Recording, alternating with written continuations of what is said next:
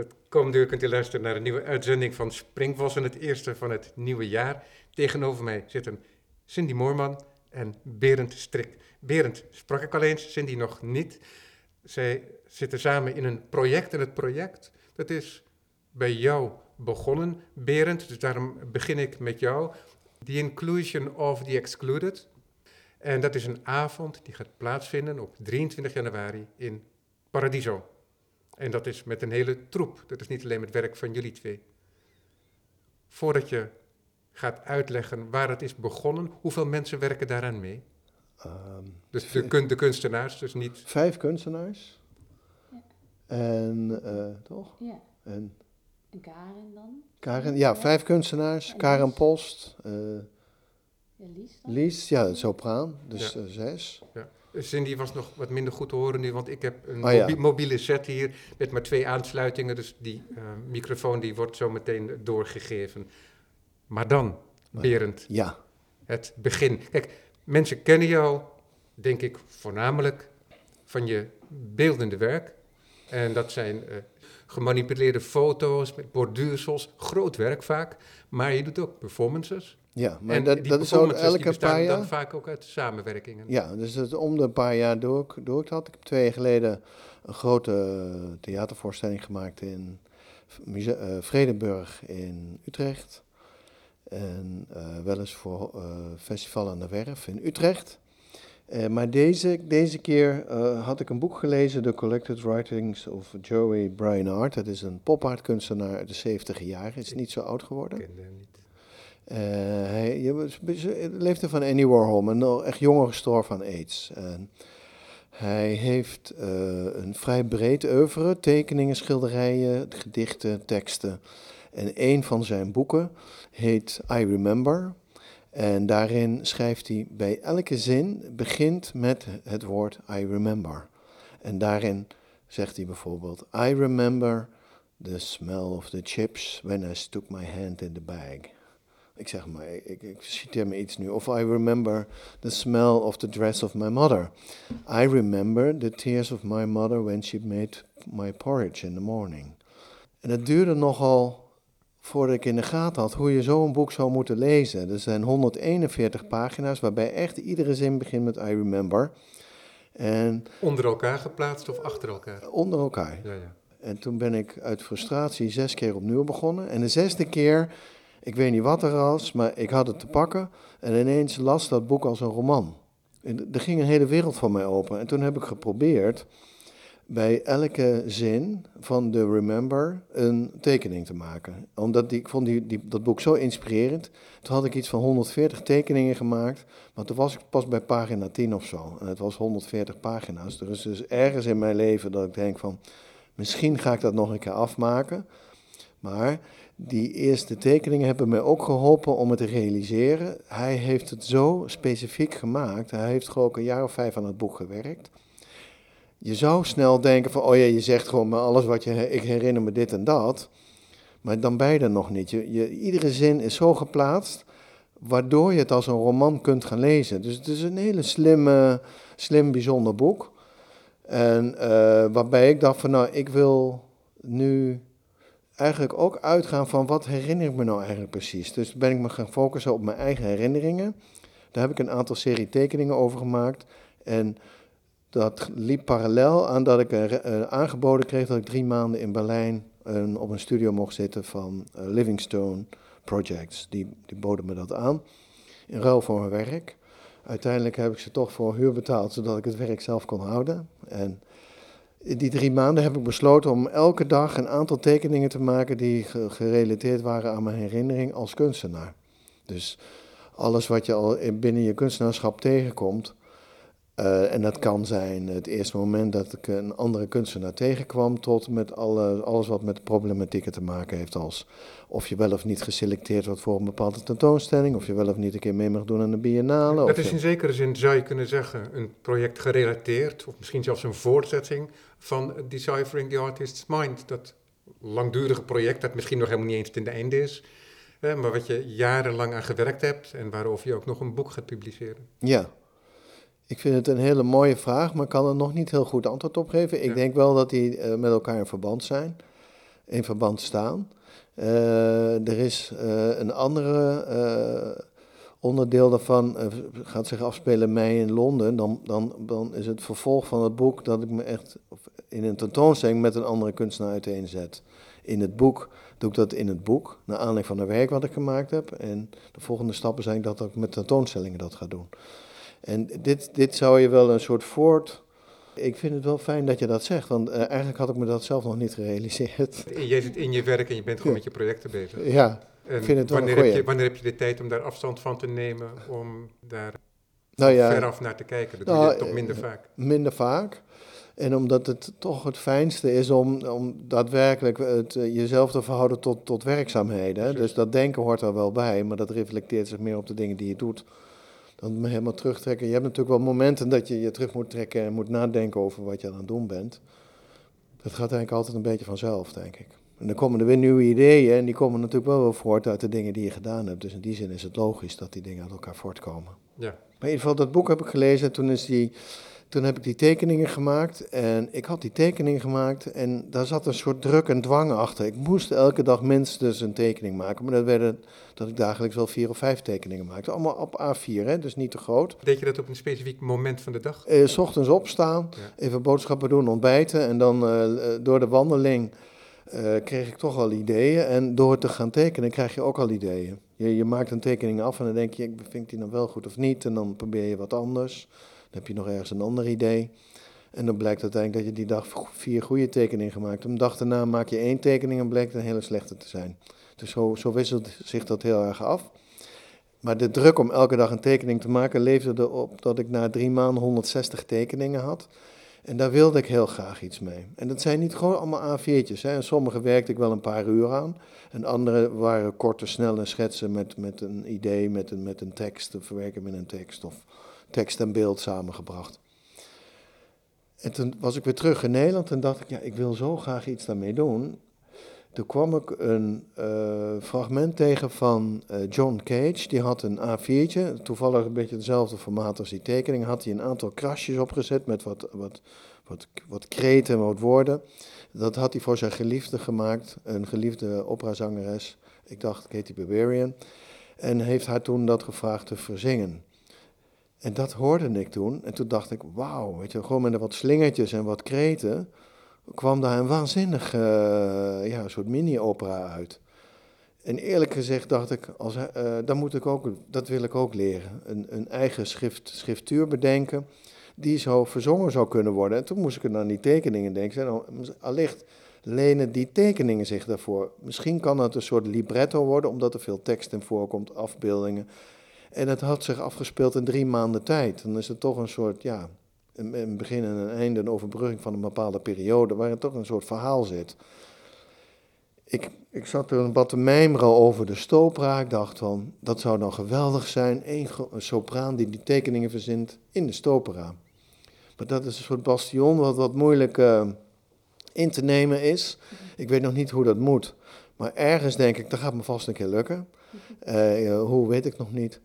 Eh, maar ik begin bij, bij de kanalen die wat, eh, waar ik makkelijk iets zou kunnen pitchen. Dus eh, toen dacht ik eerst aan muziekgebouw te ei. Want to- to- toevallig heb ik die man ooit eens ontmoet. Maar toen ja, dacht ik, ja, dat is misschien ook een te grote sprong. En omdat ik die glas- en loodramen aan het ontwikkelen ben met Hans Verhouwelingen samen en Paradiso ken, ken ik daar veel mensen. En dus toen heb ik gewoon gebeld naar Paradiso. Zeg ik, ja, mag ik een idee pitchen? Toen zei ze, nou, kom, kom maar zitten. En toen heb ik het gepitcht. 10 minuten. En toen zei ik, ik, heb, ik denk ook meteen aan vier andere kunstenaars. Want ik ga niet alleen die avond doen. Want dat vind ik te zwaar. En die verantwoordelijkheid wil ik niet. Ik wil wel gezamenlijk met hun een hele avond ontwikkelen. En dan kan ik me ook heel erg op mijn eigen ding focussen. In, in overleg natuurlijk met die anderen. Toen dacht ik eigenlijk meteen aan eh, Cindy. Want ik had Cindy al eerder een eh, project zien doen in Museum Voorlinden. Toen dacht ik, dat is echt geweldig. Moet ik er iets verzinnen waar zij ook aan mee kan doen? Of waar ze aan mee zou willen doen, moet ik misschien zeggen. Eh, dat geldde eigenlijk ook voor de drummer eh, van Knalpot. En eh, Joan, Ja, Gary Jeger is dat. Kerry Ja. Jeker, ja. dat dacht ik ook. En van hem had ik een voorstelling gezien in, nou weet ik niet meer, in Nieuw-West. Dat die kleine, Stijm, Stijm, heel Ja. goed, ja. Stijm. En daar zaten we met de drie mannen en een dood paard zaten we naar zijn voorstelling te kijken. En ik dacht van ja, dit is toch echt belachelijk. Terwijl de zaal die ze hebben in Nieuw-West is een prachtige zaal. Er is ruimte voor echt wel, volgens mij wel 200, 300 mensen of zo.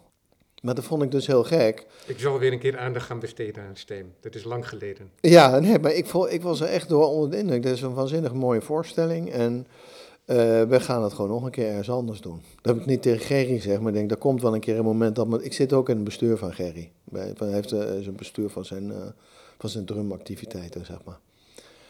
En toen dacht ik, nou, Cindy, Gerry, er moet nog wel iemand bij. En ik kan zelf mijn teksten gaan laten verzingen. Dat, wordt, dat kan, dat zou wel eens een hele bijzondere avond kunnen worden. Want wat heel mooi was toen ik het, het werk van eh, Cindy zag in eh, Museum voor Linden. Dat wat vaak het probleem is, dat als je ergens arriveert, dat je eigenlijk op geen enkele manier eh, geholpen wordt om echt op die plek eh, aan te komen. Zeg maar. je, ko- je komt gehaast met de trein of wat dan ook, kom je ergens aan. En dan kom je in een museum en dat is een heel ander tempo. Toen ik bij Museum voor Linden, daar, daar, daar, loopt het niet zo storm. Het is wel een heel mooi museum met een hele mooie, heel ruim opgezet. Dus daar krijg je al wat meer ruimte om naar dingen te kijken. En het project, daar kan Cindy uiteraard veel beter over vertellen. Wat zij daar toen deed, dat, dat zorgde ervoor dat ik volledig in het museum aankwam. En dat ik alles losliet en me helemaal kon geven voor het eh, aangebodene, zeg maar. Zowel voor het project, de, de performance van Cindy met haar, haar mensen en alles wat daar hing. Dan ben ik natuurlijk heel benieuwd wat voor performance, Cindy, Daar, dat eh, was in Voorlinden. ja. ja, dat was toen een avond, eh, Blue Night heette het volgens mij, in december 2018. En eh, zij hebben mij toen gevraagd of ik een, een, eer, een performance die ik eerder gemaakt had al, daar kon uitvoeren. Omdat zij vonden dat die toen goed paste binnen die context. Dus, eh, dat heb ik gedaan. Het was met het koor. En grappig genoeg hetzelfde koor als wat we nu in Paradiso, het Van Ab Museum koor, eh, zijn we daar naartoe gegaan. En hebben we daar, hè, dat zijn dan eh 24 zangers. Ik heb hem grappig genoeg gemaakt ooit, die performance voor het Van Ab Museum. Eh, dat was toen met 16 zangers en nu waren het er wat meer geworden ondertussen. Eh, ook omdat het gewoon eh, te leuk, omdat de, veel zangers het te leuk vonden om mee te doen, als het ware. Dus de groep werd groter. Dan is het zo dat ze eigenlijk voordat het begint gewoon verdeeld tussen het publiek staan. En op een moment is er een, een, nou, een teken. En dat is meestal doordat er iemand de tijd in de gaten houdt en, en een van de koorleden laat zien, nou, nu gaan we beginnen. En als die gaat lopen, die loopt dan naar het midden van de ruimte, dan heeft de rest van het koor dat in de gaten en die sluit zich aan.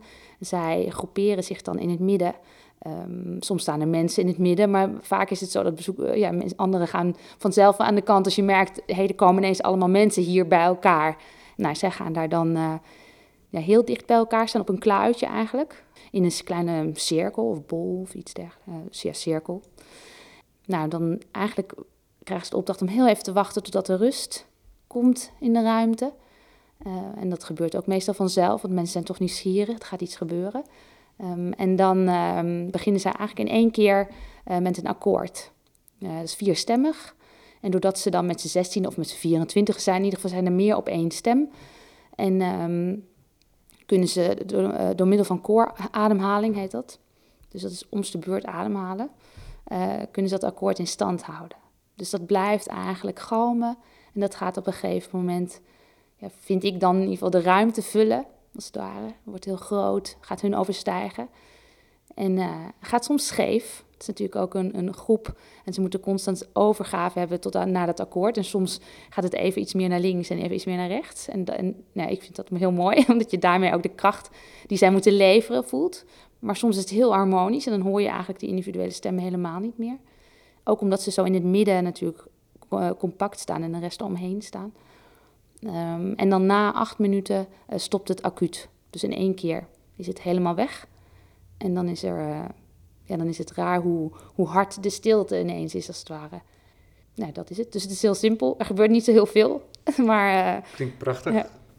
Ja, ik vind dat er wel heel veel gebeurt hoor. Ja, nee, ja, maar in principe, als je ik kan, ik kan het ook heel snel uitleggen. Er zijn 24 zangers, ze staan in een cirkel en ze zingen acht minuten. Ja. Ja, dan is er gewoon. Ja. En hoe heet deze performance? Heb je ook een naam daarvoor? Ja, hij, hij wisselt een beetje. Eh, Per soms- gelegenheid. Per gelegenheid eh, soms. Maar hij, hij- ik vind het lastig. Ik, ik had gisteren ineens bedacht, misschien hou ik op met titels. maar ehm, hij, heet, hij heeft ooit tijdelijk verdwijnen geheten. Maar dat kwam meer omdat het vanuit dat nadenken o- daarover kwam. En ehm, ja, hij, het ligt een beetje aan. Het liefst Nee, maar dat kan toch Ja. ook. Het, een, een werk neemt toch ook andere vormen aan of krijgt andere betekenis Ja. in verschillende omstandigheden. Ja, ja, ja. Dus dan is het ook misschien heel vanzelfsprekend als, dat, ja, die, als die titel daarmee ook eh, aangepast wordt. ja. Ja, nee, vind, ik- vind ik ook. Dus Ja. ja. Berend had het leven over eh, het entree. Hè? Dus als je, Ja. dat je ergens binnenkomt en opeens moet je naar kunst gaan kijken. Dus dan moet je eigenlijk een andere houding aannemen tegen, ten, ten opzichte van een deel van de wereld om je heen waar je je op concentreert. ja. En dat betreft ook jouw werk, want ik had de indruk hè, dat je Mhm. dat daarmee wilde inleiden, Berend. Wat je doet in Paradiso. Ja, nou, in Paradiso... Want er is Ja. dat koor, Mhm. maar er is ook meer. Ja. Er zijn meer ingrepen Ja. van jouw hand. Ja, nou dat kwam ook een beetje hè, eh, in zoverre ehm, zijn mijn werk, hè, die performances zijn eh, waar de meeste mensen mij van kennen. Maar die worden steeds meer in de afgelopen jaren onderdeel van een groter scenario. Dus van scènes, als het ware. Die soms door met, objecten worden aangevuld. En eh, ja, in ieder geval gaan ze steeds meer ruimte innemen, de performances. En, eh, en in dit geval was het zo dat nou, we zaten inderdaad met een, een groep kunstenaars waar we mee werkten. En ehm, wat voor mij eh, van belangrijk is in het begin, voordat ik begin met een nieuw werk, is eigenlijk dat ik verzamel wat er gegeven is in de context van de tentoonstelling. Dat is de basis voor het scenario. Ehm, en in dit geval was ik aan het verzamelen, maar had ik natuurlijk een deel daarvan, eh, was voor mij niet concreet. Eh, wat, dat was natuurlijk het werk van de andere kunstenaars. Dat was heel lang, ja, waren zij daar natuurlijk ook nog mee bezig om dat te ontwikkelen. Ehm, dus daar was ik eh, over aan het denken. Ik denk, nou, voor mij leverde dat een, iets op waarvan ik dacht, hey, ik kan dit niet volledig verzamelen, wat er allemaal gaat gebeuren binnen dat scenario van die avond. En dat leidde er eigenlijk toe dat ik wat als het ware ben gaan uitzoomen en gaan kijken, oké, wa- wanneer begint nou eigenlijk die ervaring van die avond echt? En waarin eh, kan ik daarin de ruimte innemen en, en waarin wil ik mijn werk toevoegen en waar niet? Dus voor mijn gevoel is het nu zo dat eh, mijn werk eigenlijk door de hele avond heen loopt. Niet, heel, niet, niet, niet elke minuut aanwezig, maar wel een soort van ehm, ja, heel erg overkoepelend ook aanwezig is. Wel met een soort van concentratie tijdens de performance. Maar het begint in principe al buiten. Ja, omdat je al, laten we zeggen, een soort sporen neerlegt Ja, ja, die je misschien achteraf pas gaat eh, begrijpen. ja, ja dat denk Ja. ik wel. Ja, ja, het is natuurlijk niet heel expliciet eh, wie wat. Hè. Het is ook een avond, wat ik denk juist dat het ook zo bijzonder maakt, is dat het een avond is waarin alles ook door in elkaar overvloeit. Hè, zonder dat je een soort van zegt, nou, deel 1, Berend, deel 2.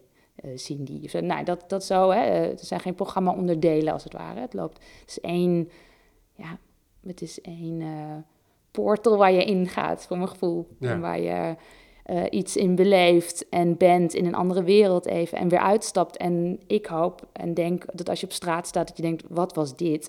Ja, ja ik de- deed mij ook meteen denken aan een programma Mhm. dat een paar jaar bestaan heeft. Dat is de inhuizige curator, Jeldo Kwikkel, eh, produceerde dat. En dat was Palais Paradiso.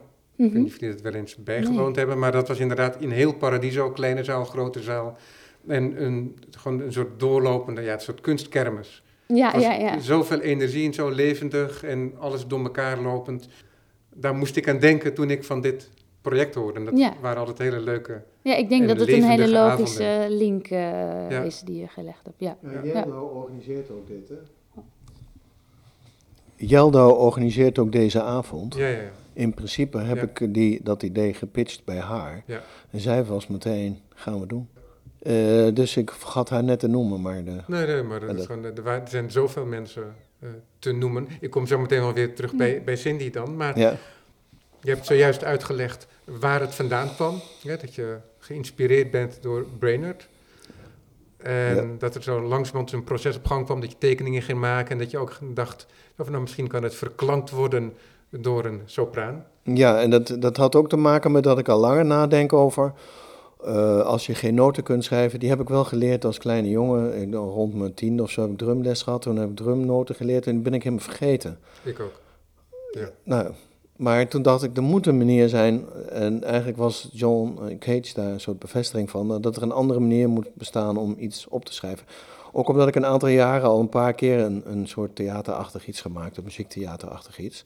Maar nog, nog niet een hele goede vorm had gevonden hoe ik het kan opschrijven. Dus toen heb ik die, die tekening als uitgangspunt genomen. Die, heb ik, die 160 tekening heb ik laten zien aan de sopraan Lies van de Wegen. Zij komt uit Antwerpen en heeft veel ervaring, uh, zowel in de opera's, operetten als uh, theater. Onder andere met Jan Fabre veel gewerkt in die 24 uur voorstelling. Toen dacht ik, nou dat is heel erg in mijn voordeel, want die is, die is vast veel stouter en strenger en, uh, en, en, en hij is heel ervaren, dus die, die, die, die, dan, dan, dan als het wat van, van minder ervaring en zij willen het graag doen, toen ze die tekeningen had gezien. Toen heb ik samen met haar die 160 tekeningen doorgenomen, daar een selectie uitgemaakt en gekeken met welke tekening zij iets mee kon. Gewoon, gewoon als, als eerste reactie. Toen heb ik die tekeningen die we samen geselecteerd hebben in een andere volgorde gelegd. Een soort gekeken of ik daar een soort lopend verhaal uit kon destilleren. En in drie zinnen zou je kunnen zeggen van nou, de kunstenaar die leeft zijn kunstenaarschap en daarvoor gebruikt hij alles maar wat hij nodig heeft in zijn directe omgeving. Maar eh, de, het, uh, en eigenlijk is dat een gekke houding, omdat de hele mensheid dat doet. De hele mensheid die gebruikt maar wat hij gebruiken kan. En dat zou wel eens kunnen resulteren in dat we in problemen raken. En dat zie je nu dus ook. Dus dat is een, eigenlijk een directe koppeling aan de, de climate crisis, uh, de, de klimaatveranderingen. En met dit eh, klimaatverandering, hoe we met de aarde omgaan, dat is een soort, ik heb er een soort spiegel van gemaakt, van het kunstenaarschap, die, niet, die door ook zijn eigen manier van handelen, echt een rare manier van de, de aarde eigenlijk alleen maar gebruikt. Terwijl het doel van het kunstenaarschap is denk ik de aarde iets mooier achter te laten dan dat je, dan dat je gekomen bent. Denk ik in, de, in, in het als je aan het eind van je traject bent van je kunstenaarschap, moet je wel een beetje dat gevoel hebben. Nou, ik heb toch iets, iets, iets mooier de wereld achtergelaten dan. Uh, dus dat heb ik verder uitgewerkt. Dus de, de, de, hele grote lijn zou je kunnen zeggen in één korte zin. Je, je, gebruikt de aarde zoveel als je kan. Je komt erachter dat de aarde dat niet aan kan. De aarde die, wordt, uh, die raakt in de problemen. En, het, en uh, dat is niet meer terug te draaien. We zijn gedoemd om de, ja, de de, een soort apocalyps, dat de wereld ten onder gaat. Uiteindelijk, als we daar niet echt rigoureus ons in gaan veranderen. Maar wat blijft, is de schoonheid van haar stem. Dat is eigenlijk in een paar zinnen gezegd. En dat, het gekke is dat we zijn het al een paar weken aan het repeteren. Je hebt het gisteren gehoord, een stukje daarvan. Toen was het was wat rommelen. We hebben het vandaag met heel veel van jullie aanwijzingen echt volgens mij een stuk kunnen aanscherpen. We zitten ook nog lang voor het moment van presentatie. Ja, dus ik ja. was zeer vereerd dat ik het in zo'n vroeg stadium al um, mocht bijwonen. Ja, ik wilde daardoor toch nog even zeggen dat we alweer een stap gemaakt hebben. Ja. En dat ik blij was dat je zo, zo rustig, uh, aandachtig hebt uh, geluisterd en gekeken. En uh, tot grote verbazing van de, de sopraan Lies, die zei, ja, die, die stille man een beetje rechts, wat zou die nou gedacht hebben? Zij vond het vooral heel fijn, dat vond ik dan leuk om te horen, dat jij als enige aan het eind zei, dank je wel dat je dit voor ons verzongen hebt.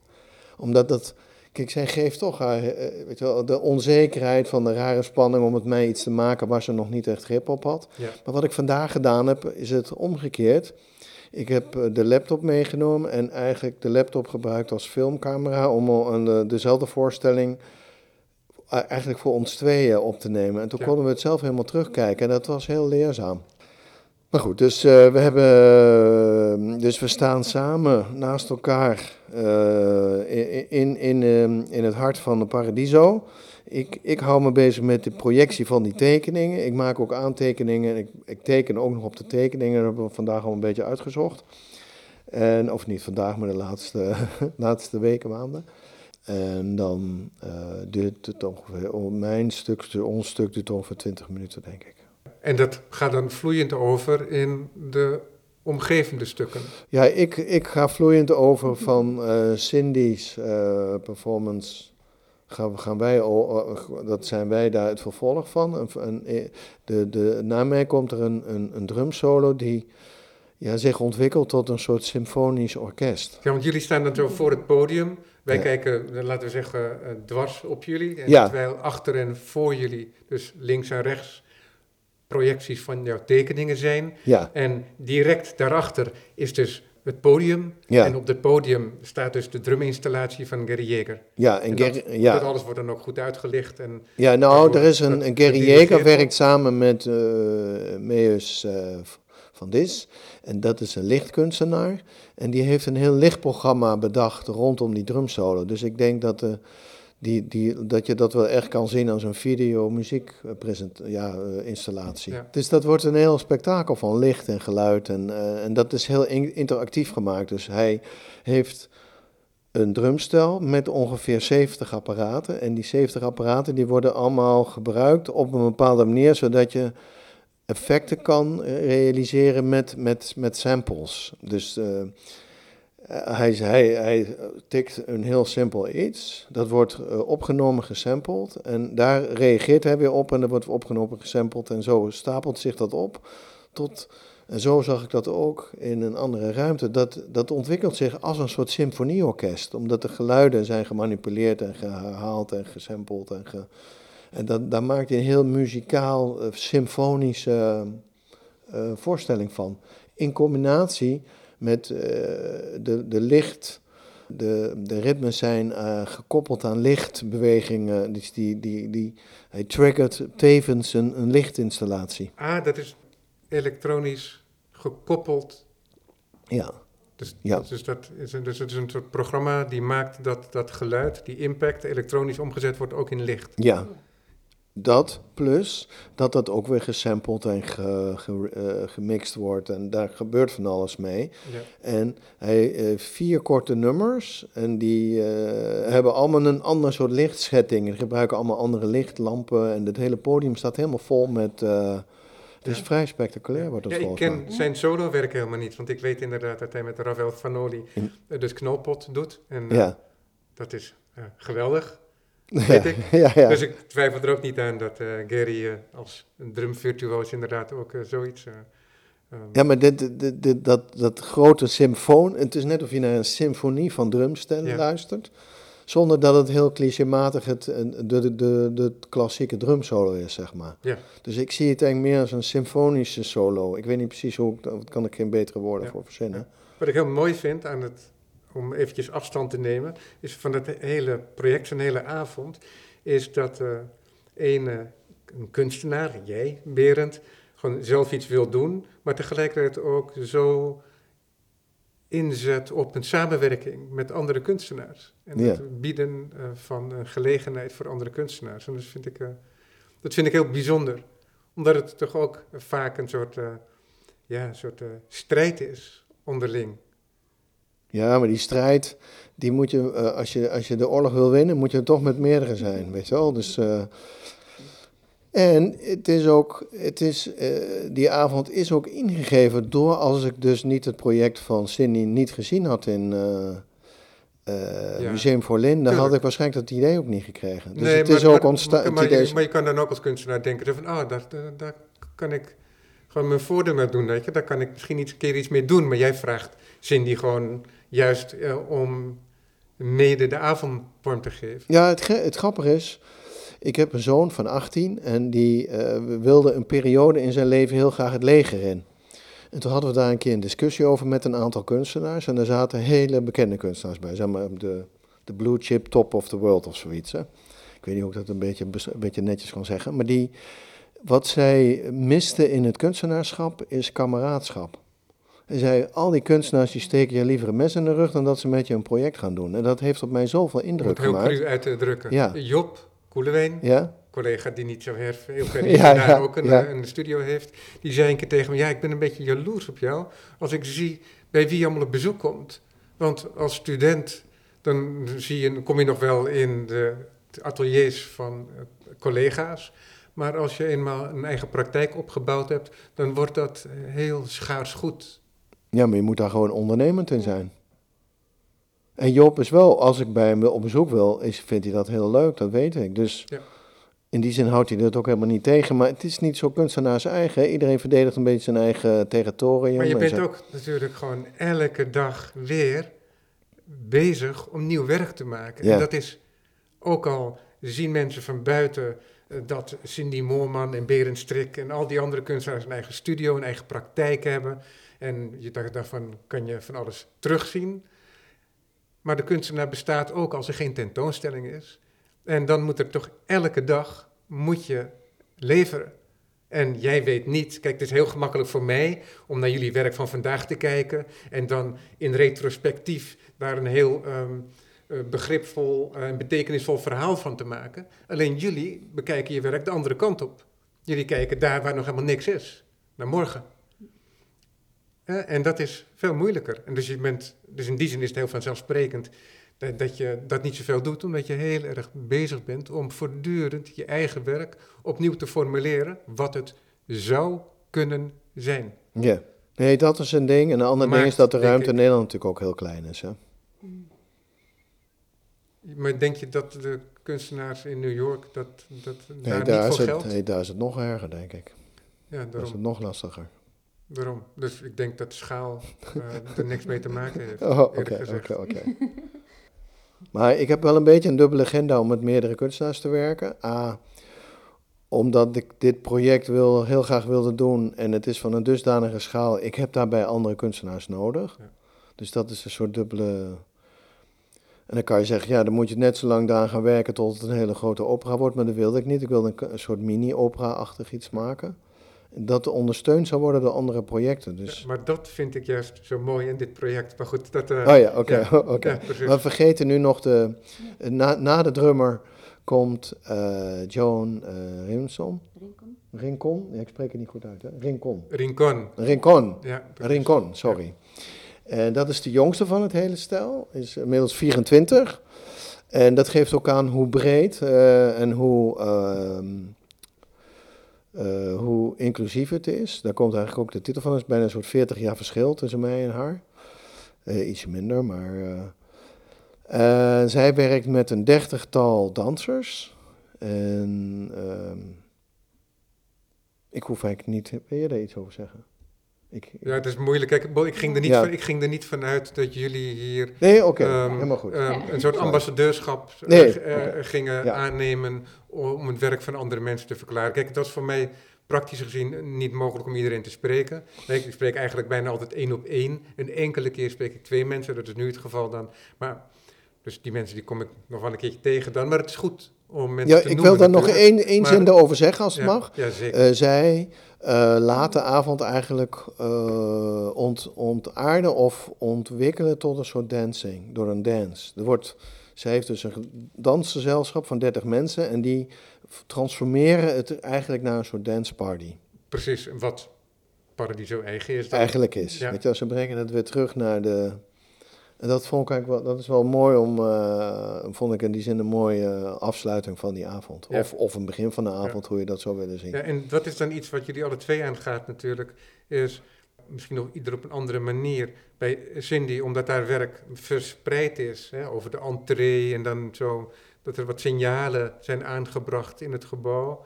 En dat uiteindelijk ook eh, jouw koorstuk eh, wordt gezongen. En bij Berend, omdat jij toch gewoon ook een soort coördinator van de avond bent. Je hebt de mensen bij elkaar gevraagd.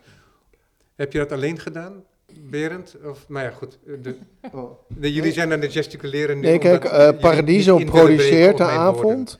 Ja. En eh, Karen Post hebben we erbij gevraagd als overkoepelende choreograaf. Zij heeft, heel, zij heeft een eigen dansvoorstellingen Ja, gemaakt. Zij is ook nog, zij is ook curator. Ehm, zij, zij nou ja, vers- verschillende... Ik heb een keer in een groepsentoons van haar gezeten. Die ze heeft gecureerd in een museum, de Lakenhal in Leiden.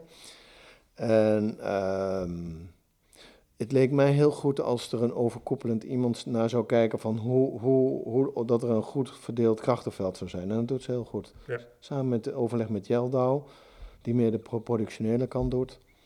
En, ehm, maar dat is iets meer op de achtergrond. Ja. Dus, dus op die avond is dat niet te zien, maar zij is bij alle besprekingen en doet, uh, houdt contact met iedereen. Precies. En jullie zijn ook nog prachtig aangekleed. Dat heb je nog niet vermeld. Nee, dat is uh, Karim Aducci, is een, uh, jonge Spaans-Marokkaanse modeontwerper.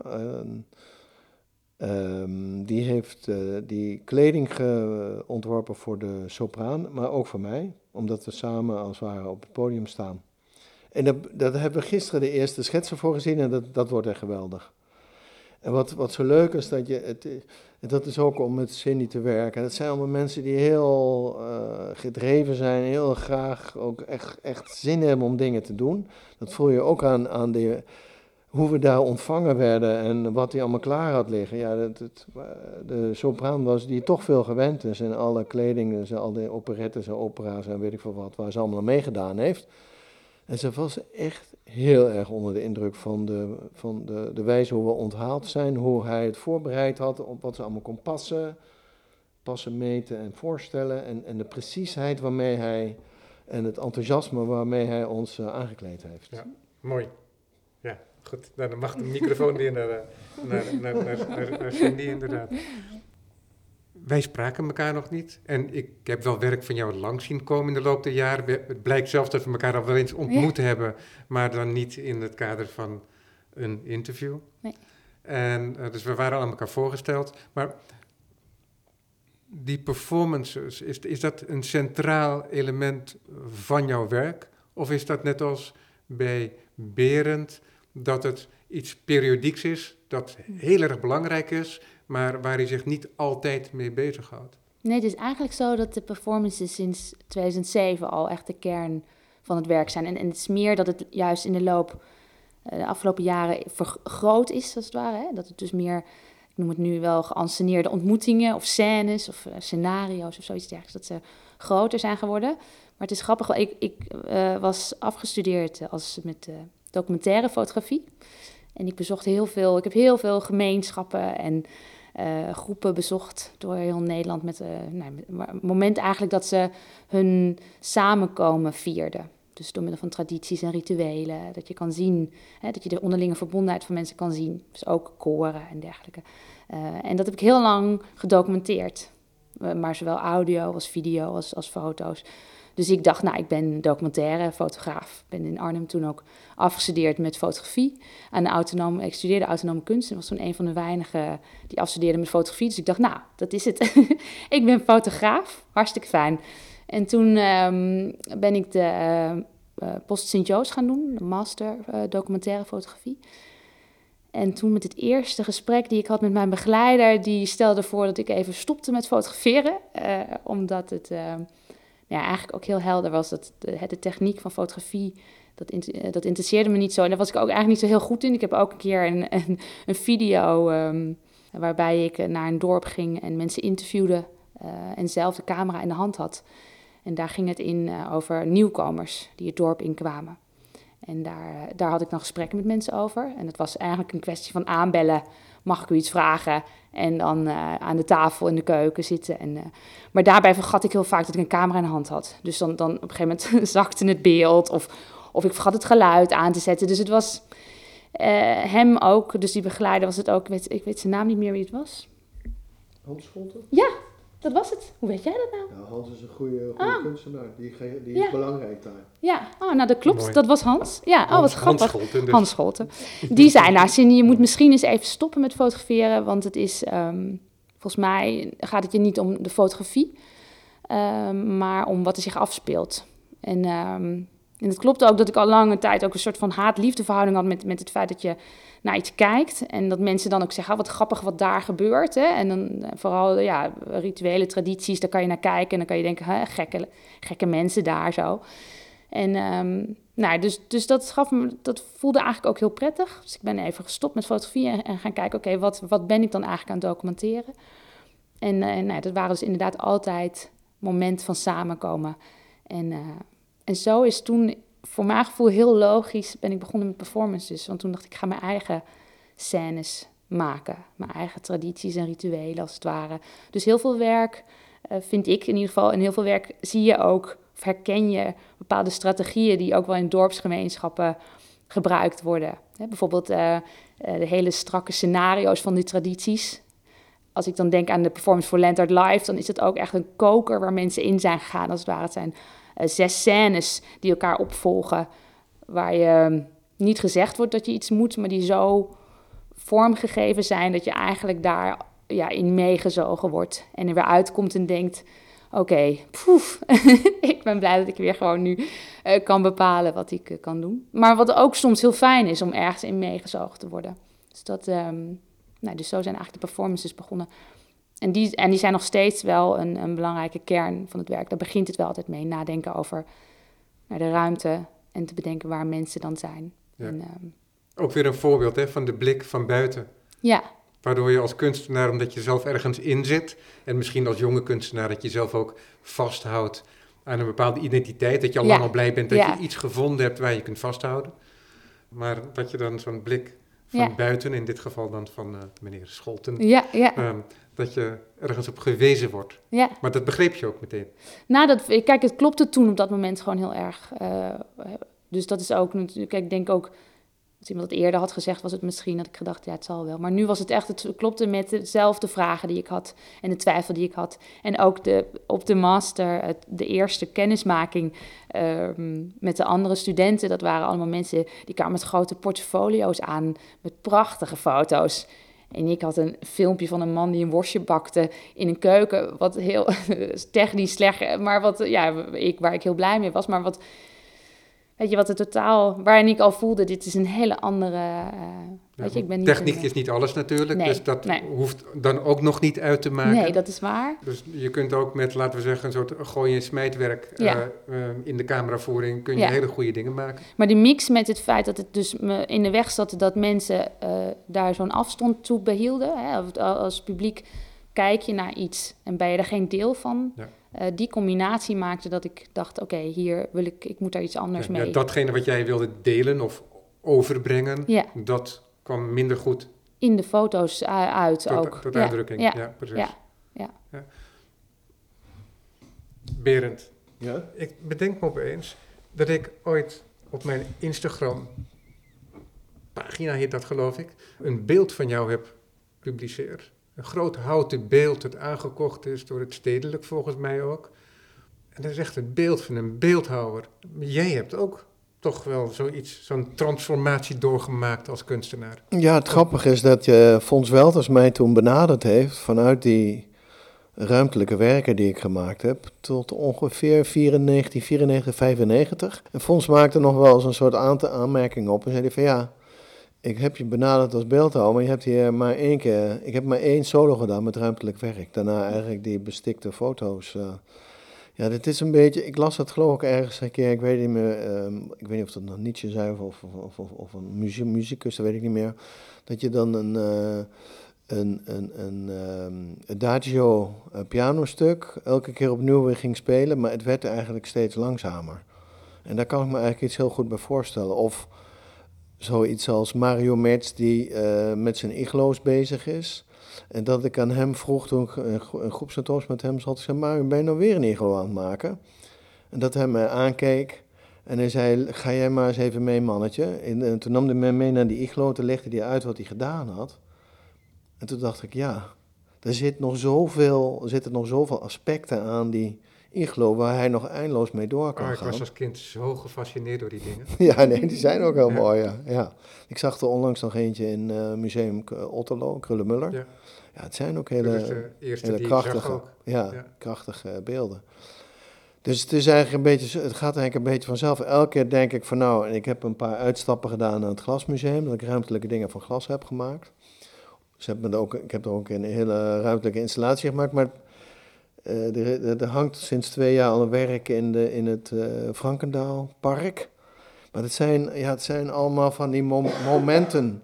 Ja. Maar eh, om het specifieker Ja. te maken, bij Cindy is er echt een moment geweest dat iemand tegen haar zei, misschien moet je die kamer even met rust laten. Ja, Is er iemand die tegen jou gezegd heeft, Berend, zou je niet anders gaan werken? nee, sterker nog, iemand zag dus dat werk. Ik weet niet of het hetzelfde werk is. Dit is een werk wat in 1989 is aangekocht door Wim Beren.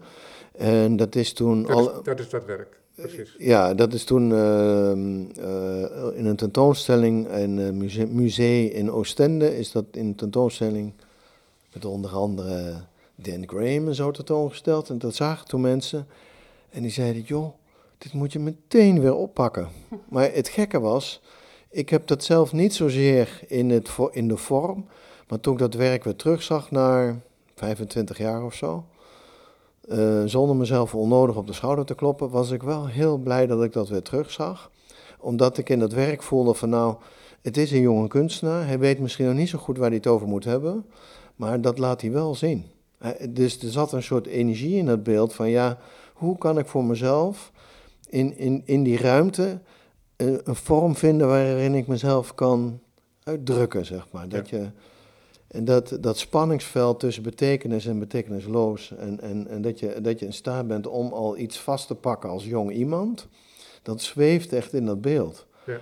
En dat was ik helemaal vergeten. Ik, erv- ik herinner me dat als onzekerheid, maar je ziet dat terug als een, als een energie, als een kracht. Ja, maar er is ook veel onzekerheid bij de jonge kunstenaar, toch? Omdat je nog geen oeuvre hebt Nee. achter je, Ja. waar je af en toe een beetje op in wiebelig momenten even tegenaan kunt gaan leunen. Ja, nee, dat is er nog niet. Dus je moet het helemaal vanuit het niets eh, neerzetten. Ja. Vanuit, ook vanuit die onzekerheid. Ja. En het moment was namelijk zo. eh, het was een groepsentoonstelling in het stedelijk. Ik had die drie maanden nodig tot op de dag van de opening. Zou het werk bijna op tijd niet klaar zijn. Het was gelukkig op tijd klaar, maar ik bracht het echt een uur voor de opening. Bracht het snel met het hele team ophangen in de zaal. En een gevaarte. En het is een groot ding. En het hing. En ze zeggen, blijf even bij het werk. Wim Beren komt eraan. Dat, hij werd eh, gesignaleerd. Dus ik stond een paar meter voor het werk. Wim Beren zegt mij geen gedag. Loopt langs mij heen, gaat precies voor mij staan. En hij kijkt naar het beeld. En het blijft een paar minuten stil. En ik, en ik wist niet wat hij ervan zou zeggen, want ik was er zelf ook onzeker over nog. Want ik, het hing net. En de opening kwam eraan. En alle kunstenaars waren al dagen met feesten aan het vieren, met radio en televisie en de krant. Toen was de kranten allemaal nog veel actiever met kunst bezig. Wim Beren draait zich om en dat was het moment. En hij zegt, gefeliciteerd, het is fantastisch werk. Maar ja, dan, bij, dat neemt die onzekerheid niet weg. Maar het was natuurlijk een, voor een jonge kunstenaar een heel belangrijk moment. Ja. Ja. En onvergetelijk, want op de dag van vandaag, eh, dat zijn toch de, de mensen, als je die in je carrière tegenkomt, die heel belangrijk zijn. Want hij heeft natuurlijk niet alleen stedelijk gedaan, maar ook op losse schroef, eh, nou ja, eh, buiten de perken. Hij heeft Ja. een aantal hele serieuze dingen gedaan die echt die geschiedenis gemaakt hebben. Dus als zo iemand dan positief over je is, is het natuurlijk extra bijzonder. Precies. Cindy, Ja. die, on- die onzekerheid van de jonge kunstenaar, hè, van de jonge Berend bijvoorbeeld. ehm, ken jij die zelf ook nog wel eens, nu je al veel langer met je praktijk bezig bent? Ehm, ja, zeker. Ja, Is het zelfs een belangrijke motor? Is het een belangrijk element dat als die onzekerheid er niet is, dat, het Ja. dan eigenlijk, ja, dat je dan eigenlijk dan gaat het pas echt wantrouwig moet zijn? Ja, ja, eigenlijk wel. Nee, Zegt, deel- hij, ja. zegt, zegt hij dan iets over mij of is het een vraag aan jou? nee, ja. Eh, nee, nee, ik, ik denk eh, dat het... Ja, het hoor, eh, nou ja, wat ik in ieder geval fijn vond op een gegeven moment te merken wel... en wat dan een beetje rust geeft, is dat je merkt... in het begin is ieder proces dat je denkt... oh nee, als ik maar iets, ga als ik maar iets kan bedenken nu. Weet je, Ja, ik krijg dat een er vraag... überhaupt iets komt. Ja, dat er iets komt. Ik had eh, dus toen de vraag van het Stedelijk Museumbüro Amsterdam om een performance te maken naar aanleiding van het scorearchief. ik kan me nog herinneren, ik zat daar in het scorearchief en ik dacht, jezus, ik weet niet wat hier nu gaat gebeuren. Nou, en nou, weer naar huis en de volgende dag daar nog een keer zitten en ik dacht, nou, ik hoop dat er iets gaat gebeuren, maar, eh, maar, maar niks. Dus weer naar huis en zo heb ik een paar dagen achter elkaar in het archief gezeten en dacht, nou, ik weet het niet hoor. En, en inderdaad, eh, op een gegeven moment gelukkig eh, kwam er een link. Zag ik, nou, was er ineens een link tussen mijn werk en wat ik daar zag. Ehm, ja, dat was een, la die ik opentrok. Want een heleboel zijn gewoon ordners met allemaal offertes en met dingen. En dat je denkt, oh nee. En dit was een la met dia's van, ehm, nou ja, van, beelden die gerealiseerd waren. En, eh, maar van, een, van hele oude werken. En daar ben ik in gaan bladeren. En op een gegeven moment kwam ik allemaal. Uh, nou, dan ben ik heel intuïtief gaan fotograferen. Gewoon degene die ik mooi vond. Ik dacht, nou, kijk wel wat er gebeurt. En daar, daar ontstond op een gegeven moment een patroon in.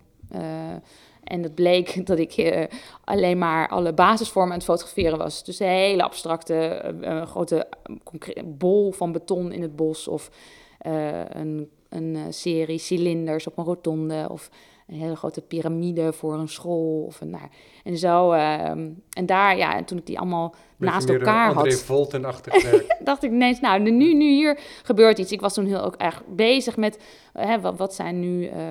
Um, ja, hoe komen we aan de basiskleur of de basisvormen? Wat zijn er, hoe zijn die dingen er gekomen en wie heeft dat bedacht met elkaar? En um, nou, ook binnen een groep, hoe dingen hè, op een gegeven moment als een waarheid gaat fungeren.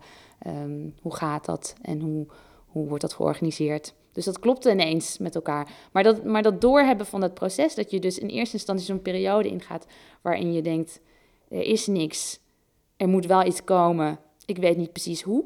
En um, daarop vertrouwen dat het wel gebeurt, dat, is, dat, dat geeft dat je die onzekere periode, voor mij in ieder geval, dat ik denk, oh, dat is, het is fijn ook om dat te hebben en het moet er ook zijn. Maar het is ook een mooie periode. Ja. Toch? ik als ja. het schrijven, ja. het denken over wat ik moet gaan schrijven, ervaar ik dat eigenlijk, dat kan ook wel eens heel vervelend zijn, het kan wel eens knagen.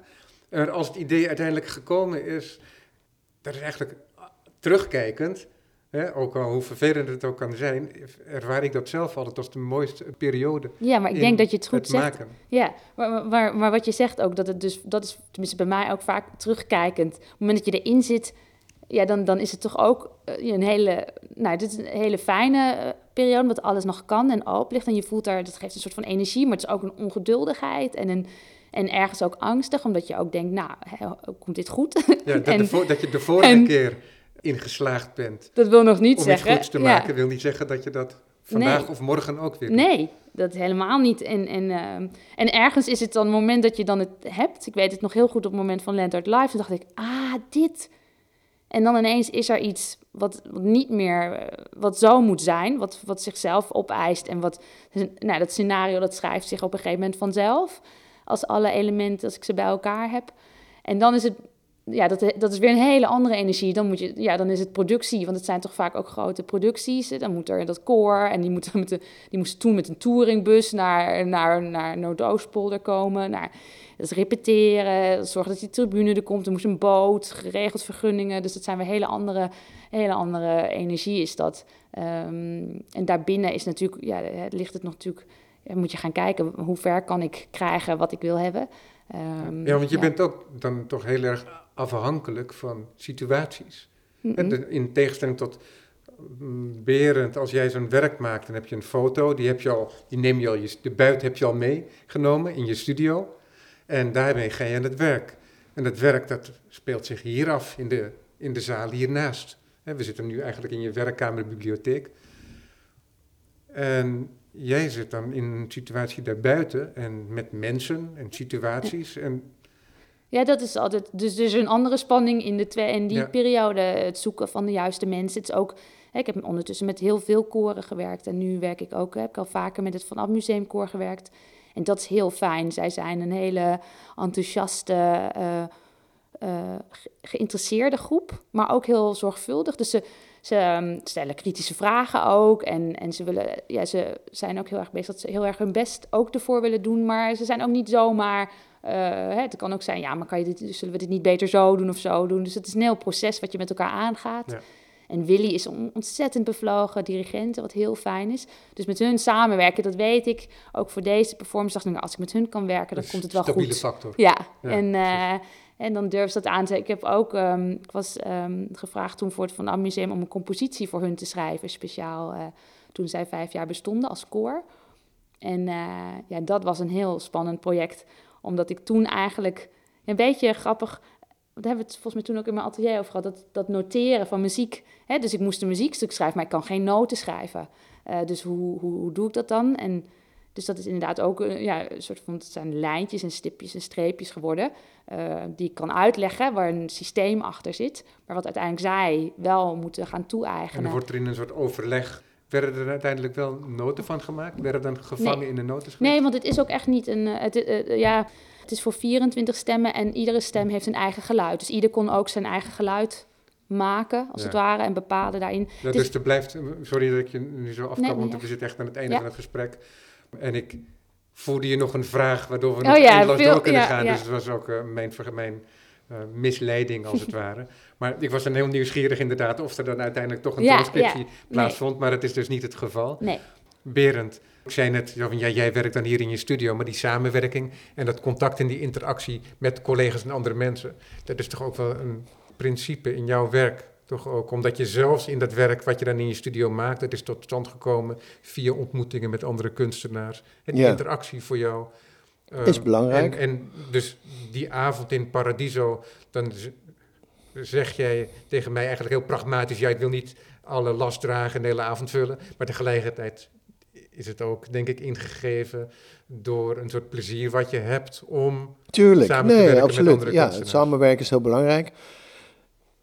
Er is een soort, er is een soort eh, uitspraak van eh, John Baldessari, die zegt ergens dat, eh, dat gebruik ik graag, is dat geen enkel kunstwerk op zichzelf staat. Het is altijd, er zijn altijd heel veel kunstenaars voor je geweest. Ik hou zelf heel ik erg ga je, van... nu, ga je nu stoppen, want dat, dat is het inderdaad. En dat is een zin die, ja, we zijn echt aan het einde van het uur. ja. En dat is een zin die inderdaad door de geschiedenis heen heel vaak herhaald wordt.